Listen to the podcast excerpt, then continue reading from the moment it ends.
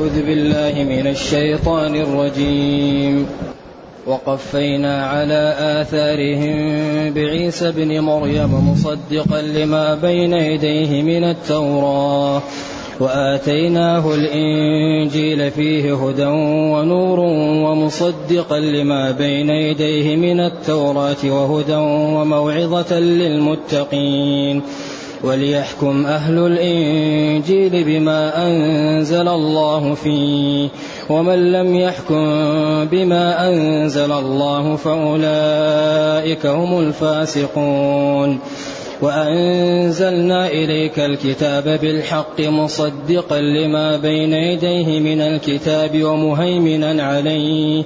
فاحكم بينهم بما أنزل الله ولا تتبع أهواءهم عما جاءك من الحق. لكل جعلنا منكم شرعة ومنهاجا. ولو شاء الله لجعلكم أمة واحدة ولكن ليبلوكم فيما آتاكم. ولكن ليبلوكم فيما آتاكم فاستبقوا الخيرات. إلى الله مرجعكم جميعا فينبئكم بما كنتم فيه تختلفون. الحمد لله. الحمد لله الذي أنزل إلينا أشمل الكتاب وأرسل إلينا أفضل الرسل وجعلنا خير أمة أخرجت للناس. فله الحمد وله الشكر على هذه النعم العظيمة والآلاء الجسيمة. والصلاة والسلام على خير خلق الله وعلى آله وأصحابه ومن اهتدى بهداه. أما بعد فإن الله تعالى يبين أنه أتبع موسى بعيسى. وقفينا على آثارهم بعيسى بن مريم. قفينا التقفية الإتباع. على آثارهم الأنبياء على آثار الأنبياء. بنبي يسمى عيسى بن مريم. والسياق يراد منه الإزراء باليهود وأنهم الله أرسل لهم الرسل وأعطاهم النعم وكفروا ولم يمتثلوا. وفي ضمن ذلك التحذير للأمة المحمدية أن تسلك مسالك الضالة. وأن تنتبه وتتعظ وتنجو بنفسها قبل أن يفوت عليها الأوان. لذلك الله هنا يقول وكتبنا عليهم فيها أن النفس التوراة بالنفس والعين بالعين والأنف بالأنف والأذن بالأذن والسن بالسن والجروح قصاص. إن أمن الحيف على أقوال للعلماء كثير فيما يلزم في الدية فما كان عندهم إلا القود أو العفو ما كان فيه الدية. هذه الأمة المسلمة مرحومة. إن أراد القود إن أراد الدية إن أراد أن يسامح إن أراد الصلح على الزيادة من الدية. يعني فيه فسحة عندنا في ديننا. ولذلك هذه الشريعة شريعة سمحة سهلة. كل ما جاء يعني الضيق والاضطرار أبواب الأمام مفتحة. وقد فصل لكم ما حرم عليكم إلا ما اضطررتم إليه. أي شيء تضطر له مباح. لكن الله لا يخفى عليه المضطر من غير المضطر. لا تخفى عليه خافية. واحد يقول أنا مضطر وهو ما هو مضطر لا يخفى على الله. لكن المضطر أبواب الأمام مفتحة. فالشريعة جميلة وسمحة وسهلة والحقيقة فيها تبيان لكل ما نحتاج إليه. ثم قال ومن لم يحكم بما أنزل الله فأولئك هم الظالمون. قيل الأولى في المسلمين وقيل الثانية في اليهود وقيل الثالثة في النصارى وقيل كلها في اليهود وقيل الآية حكمها للجميع. ومن لم يحكم بما أنزل الله يرى أن غير حكم الله صالح وأحسن كافر. أو من لم يحكم بما أنزل الله من المسلمين وهو يعلم أن حكم الله أفضل فهذا كفر دون كفر. ثم قال وقفينا أتبعنا على آثار الرسل المتقدمين بعيسى بن مريم في حال كونه مصدقا لما بين يديه من التوراة. في حال كونه موافقا لما نزل قبله من التوراة على عيسى على موسى. وآتيناه أي عيسى. الإنجيل الكتاب الذي أنزل عليه يسمى الإنجيل. والذي على موسى يسمى التوراة. والذي على محمد صلى الله عليه وسلم يسمى القرآن. والذي على إبراهيم يسمى صحف. والذي على داود يسمى الزبور. وآتينا داود زبورا. وكل الكتب متفقة كما سيأتي. وهدى وموعظة للمتقين. هدى بيان للحق وموعظة تخويف للمتقين لما جاء فيه من عقوبة من خالف. كما كما قال ولقد أنزلنا إليكم آيات مبينات ومثلا من الذين خلوا من قبلكم. وأنزلنا عليكم في الكتاب بيانا للطرق التي سلكها المنحرفون وهلكوا. وإنكم لتمرون عليهم مصبحين وبالليل أفلا تعقلون؟ لقد كان في قصصهم عبرة لأولي الألباب.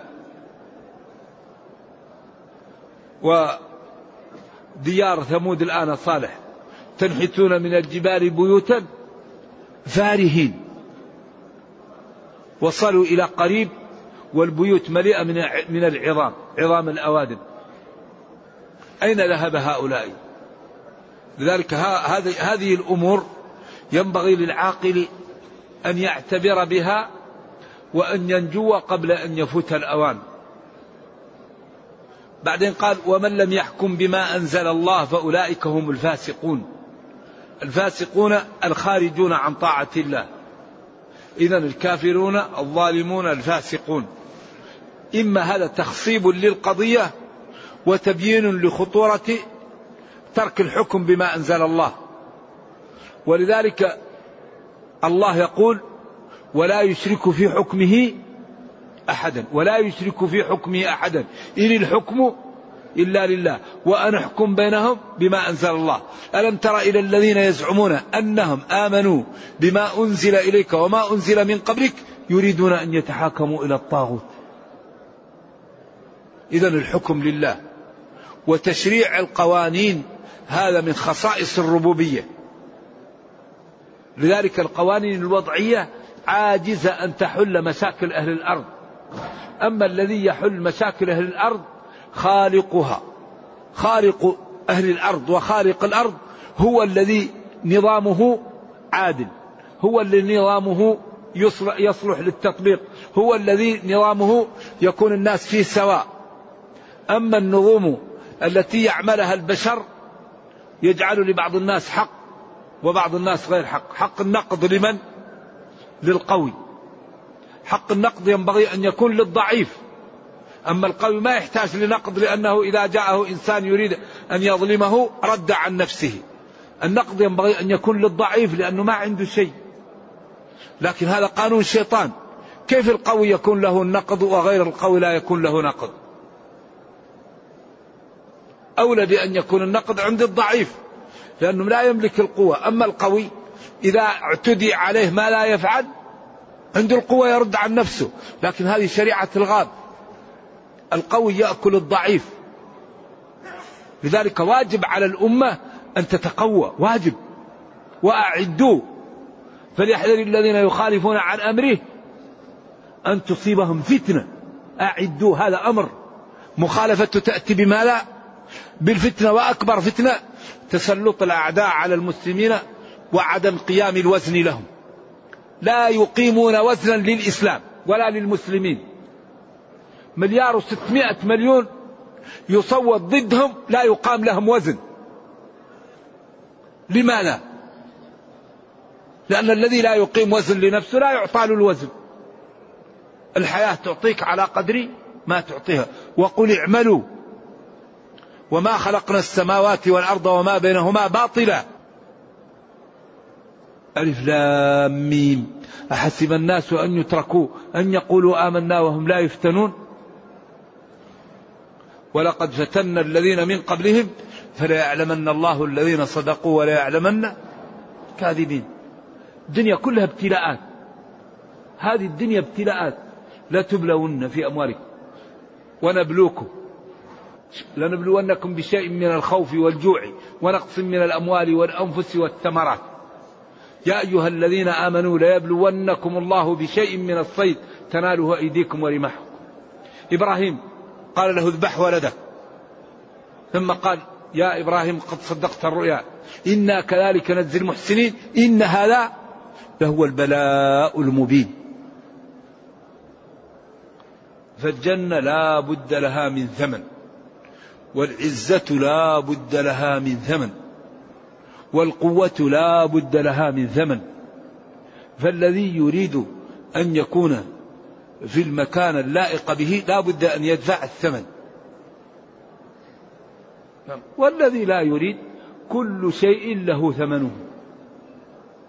أوفوا بعهدي أوفي بعهدكم.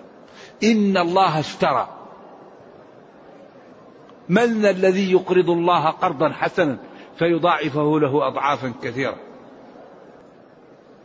الذين يأتون ما آتوا وقلوبهم وجلة أنهم إلى ربهم راجعون أولئك يسارعون في الخيرات وهم لها سابقون. بعدين قال ولا نكلف نفسا إلا وسعها ولدينا كتاب ينطق بالحق وهم لا يظلمون. والله لا عذر لنا. بيان وتوضيح لمسالك العزة وطرقها وبيان وتوضيح لمسالك الذل وطرقها. وقال ألم نجعل له عينين ولسانا وشفتين وهديناه؟ النجدين والله لا عذر لنا بعد هذا البيان الشافي الواضح. وحري بهذه الأمة أن تهتم بالمراكز التي تعيد الأمة لمكانتها اللائقة بها. تكون في معاهد في مراكز. كيف المسلم تزرع فيه المروءة؟ كيف المسلم تزرع فيه الفضيلة؟ كيف المسلم يزرع فيه خوف الله؟ كيف المسلم يزرع فيه محبة المسلمين؟ كيف المسلم يزرع فيه الإيثار؟ ما يكون المسلم يفكر يأكل ويشرب وينام. كما قال الشاعر نهارك يا مغرور سهو وغفلة وليلك نوم والردى لك لازم وتشغل فيما سوف تكره ضبه كذلك في الدنيا تعيش البهائم. المسلم له همة. المسلم يهتم بإخوانه. المسلم يهتم بدينه. المسلم يهتم بمروءته. المسلم يهتم بكيانه. أما الأمة المسلمة لا تبالي بمصالحها. مليار وستمائة مليون. أمورهم الخاصة تقضى من غير أن يستشاروا فيها. مليار وستمائة مليون. أمورهم الخصوصية لا يستشارون فيها. لماذا؟ لأن الحياة ما تعطي الإنسان إلا ما يعطيها. لولا المشقة ساد الناس كلهم. الجود يفقر والإقدام قتال والسؤدد منحصر في النفس والمال. ما في طريق ثالثة للسؤدد. نفسك تعلم الناس. تؤطرها للدين. تكفها عن الشر. تحبب إليها الصلاة والزكاة. وتحبب إليها محبة الخير. مالك تبني به المساجد. تصلح به ذات البين. تحصن به الثغور. تعطي المنح للأذكياء من أبناء المسلمين الفقراء تعالج المرضى. تنفق على الرميلات. إذا هذا الذي تنال به إيش؟ السيادة. السيادة لا تنال إلا بالعمل. والكفار علموا من ظاهر الحياة الدنيا أن بالتضحية تنال السيادة في الدنيا. والله أخبر عنهم أنهم يعلمون ظاهرا من الحياة الدنيا. لذلك علموا أنه لا يمكن أن يكون قوة إلا بالتفاهم. وأن التفاهم لا بد فيه من نوع من التنازل واستطاعوا أن يديروا خلافاتهم إدارة منتجة. هم بينهم الخلاف وبينهم الكراهية لكن وجدوا أنه لا يوجد شيء أضر من الخلاف. فهذا يتغاضى وهذا يتغاضى وكونوا أقوى قوة في العالم. انظروا إلى ألمانيا وفرنسا. ماذا بينهم من الفتن والإحن؟ والحروب ولكن يعلمون ظاهرا من الحياة الدنيا. تنازلت هذه وتنازلت هذه وعملوا أقوى قوة اقتصادية في العالم الآن. والآن يوحدوا يوحدوا والمسلمون الكتاب واحد والنبي واحد صلى الله عليه وسلم والقبلة واحدة والسنة واحدة. وبعدين لماذا عوامل للاتحاد عندنا كثير وعوامل الخلاف قليل. ولكن فيه قوة خفية للمسلمين أهم شيء يتفرقوا. لأنهم علموا من ظاهر الحياة الدنيا أن أكبر ما يضعف المسلمين الخلاف. ربنا يقول ولا تنازعوا فتفشلوا. ولا تنازعوا فتفشلوا.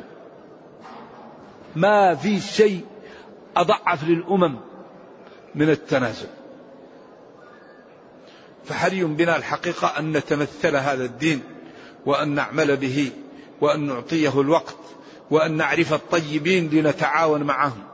لأن ربنا يقول يا أيها الذين آمنوا اتقوا الله وكونوا مع الصادقين. طيب كيف نكون مع الصادقين إذا لم أعرفهم؟ نبحث عن الصادقين ونتعاون. نهتم بالمؤسسات نهتم بالعقول نهتم بالاستشارة. أخوك اختلفت معه لازم نتفق. ما يمكن يكون اتفاق إلا ببعض التنازل. ما يمكن. أي مصلحة دنيوية أو دينية أو في أي شيء إذا تنازل أحد الخصمين تنتهي المشكلة. ولذلك نبينا صلى الله عليه وسلم لا ينطق عن الهوى. قال إن ابني هذا سيد.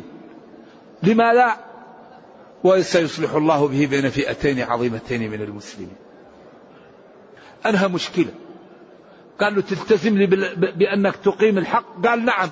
قال أنا ما لي غرض إلا إقامة الحق. ما له غرض إلا أن يقام الحق أن يعز الإسلام والمسلمين. إذا الطريق أبلج والحق واضح وينبغي أن نستعين بالله ونسدد ونقارب ونسير على الطريق من غير تهور ولا تهالك. وبإذن الله تعالى نصل. حذاري حذاري من التهور وحذاري حذاري من التهالك. ولكن بين ذلك كما قال تعالى من بين فرث ودم لبنا خالصا سائغا للشاربين. الإسلام بين التطرف وبين يعني التهالك. بين الإفراط والتفريط وسط. كذلك جعلناكم أمة وسطا أي خيارا وعدولا. إذا يقول جل وعلا وأنزلنا إليك الكتاب يا نبي محمد صلى الله عليه وسلم. في حال كونه مصدقا موافقا لما بين يديه من الكتاب أي من الكتب. بعدين قال ومهيمنا عليه. الله أكبر. ومهيمنا عليه. كل الكتب مهيمن عليها هذا القرآن. هذا لا نقوله عاطفة ولا نقوله مبالغة ولكن كل الكتب وكل الشرائع بعد مجيء محمد صلى الله عليه وسلم نسخت وكل نبي يبشر به ومبشرا برسول يأتي من بعدي اسمه أحمد. لذا هذا الدين مهيمنا على الأديان. كان النبي يرسل إلى قومه محمد صلى الله عليه وسلم أرسل إلى الناس كافة. كانت الغنائم تأتي النار وتأكلها هو أحلت له الغنائم. كتاب فيه كل ما نحتاج إليه.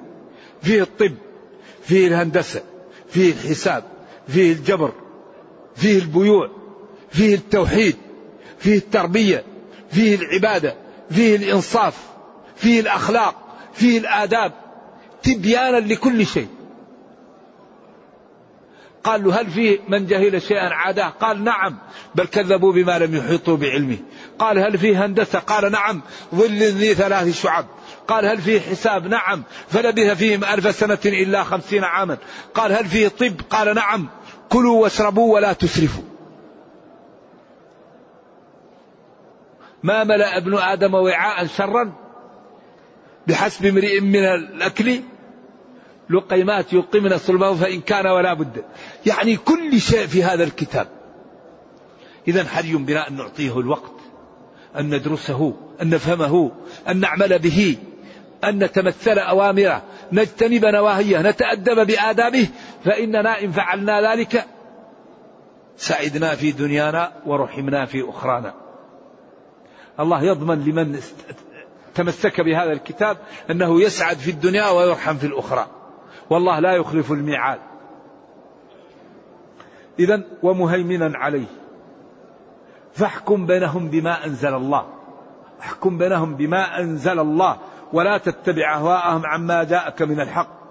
لكل من الرسل جعلنا لكل من لكل من لكل جعلنا لكل جعلنا منكم شرعة ومنهاجا.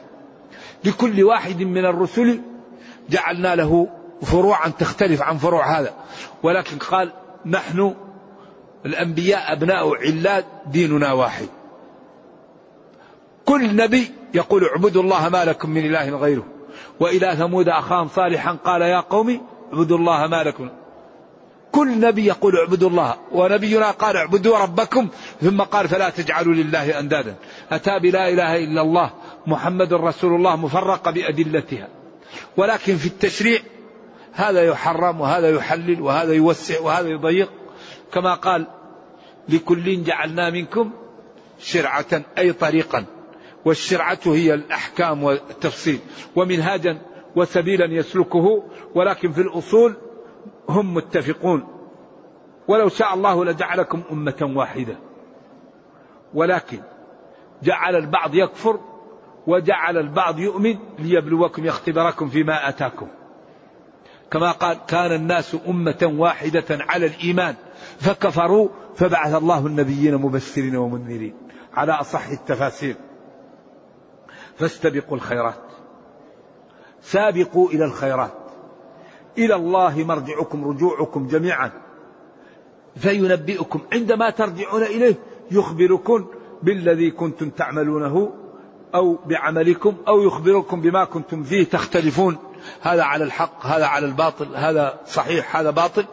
الأمور ستتجلى يوم القيامة. وكل شيء سيتضح. ولذلك لا ينجي إلا الحق. نحن الآن لا زلنا في الدنيا. ثقوا تماما أن الله لا يقبل إلا الحق. لا يقبل من العبد إلا ما يصدق فيه. ولا يقبل إلا الحق. الظلم لا يقبله والغش لا يقبله وصاحب الرياء لا يقبله وصاحب البدعة لا يقبل منه. فينبغي أن نأخذ من أنفسنا لأنفسنا قبل أن يفوت الأوان. نحن الآن في الدنيا. من تاب تاب الله عليه. والحسنة بعشر أمثالها. ولا يهلك إلا الله على الله إلا هالك. فينبغي لكل واحد أن يأخذ من نفسه. واعلموا أن هذه الموت قادمة. كل نفس ذائقة الموت. كل نفس ذائقة الموت. وهذه الموت لا علاج لها إلا الاستقامة. لا ينفع فيها ولد لا ينفع فيها مال لا ينفع فيها جاه لا ينفع فيها رصيد. ينفع فيها حسنات استقامة صلاة صوم صدقة توبة استغفار ذكر رجوع إلى الله. إكرام المسلمين الإحسان إلى الناس التغاضي عن سيئاتهم وزلاتهم ونحن والحمد لله ديننا دين لا يمكن أن يقاوم. ولكن حري بنا أن نهتم بعزتنا نهتم بالمؤسسات نهتم بتطبيق النظام نهتم بالعلم نهتم بتنظيم الوقت نهتم بالأذكياء. الأذكياء يختصرون لنا الطريق لو نخرج ألف ذكي ونخلوهم يدرسوا خمسين في الطب وخمسين في الهندسة وخمسين في الشريعة وخمسين في الحاسوب. بعدين في مدة وجيزة الأمة تترقى. لأن الذكي يقوم للأمة بما لا يقوم به ألف لأن العقول تعمل إبداع عجيب. فذلك ينبغي نهتم بالأذكياء نهتم بالصدق نهتم بالعدالة نهتم بالأيتام. نهتم بالفقراء. نهتم بمن من إخواننا يذبح ويقتل ونحن نسكت. يعني مشكلة. الأمة لا ينبغي أن تعود على هذا. هذا خطير. ناس يقتلون ويصورون وكل الأمة ساكتة. هذا هذا مشكل. والحقيقة أن الحديث معكم شيق ولكن هذا آخر درس في هذا الموسم. ونرجو الله جل وعلا أن يجعلنا وإياكم من المتقين وأن يرحمنا ويتجاوز عن سيئاتنا وأن إن شاء الله تستمر هذه الدروس في أوقات أخرى. اللهم صل وسلم على نبينا محمد وعلى آله وصحبه وسلم. اللهم إنا نسألك أن تحفظ بلاد المسلمين عامة وأن تحفظ المملكة العربية السعودية خاصة. اللهم إنا نسألك أن تفرج عن إخواننا في غزة. اللهم فرج عن إخواننا في فلسطين. اللهم إنك تعلم ما حل بهم. اللهم يا مفرج الكروب فرج كروبهم اللهم إنا نسألك أن تهزم يهود. اللهم اجعل الدائرة على يهود. اللهم إن اليهود طغوا وتكبروا وتجبروا وظلموا. اللهم عليك بهم. اللهم إنا نسألك أن ترينا عجائب عدلك في يهود. اللهم اهزم اليهود. اللهم اهزم اليهود. اللهم خالف بين قلوبهم. اللهم اجعل تدميرهم في تدبيرهم. اللهم إنا نسألك أن ترينا عجائب عدلك في يهود. اللهم اشف صدور قوم مؤمنين من يهود. اللهم إنهم لا يعجزونك. اللهم عليك بيهود. اللهم اهزمهم. اللهم اهزمهم. اللهم اجعلهم عبرة لمن يعتبر. اللهم اجعلهم غنيمة للمسلمين يا حي يا قيوم. سبحان ربك رب العزة عما يصفون وسلام على المرسلين والحمد لله رب العالمين. ربنا آتنا في الدنيا حسنة وفي الآخرة حسنة وقنا عذاب النار. والسلام عليكم ورحمة الله وبركاته. الله يكتب لك الأجر. نراك إن شاء الله.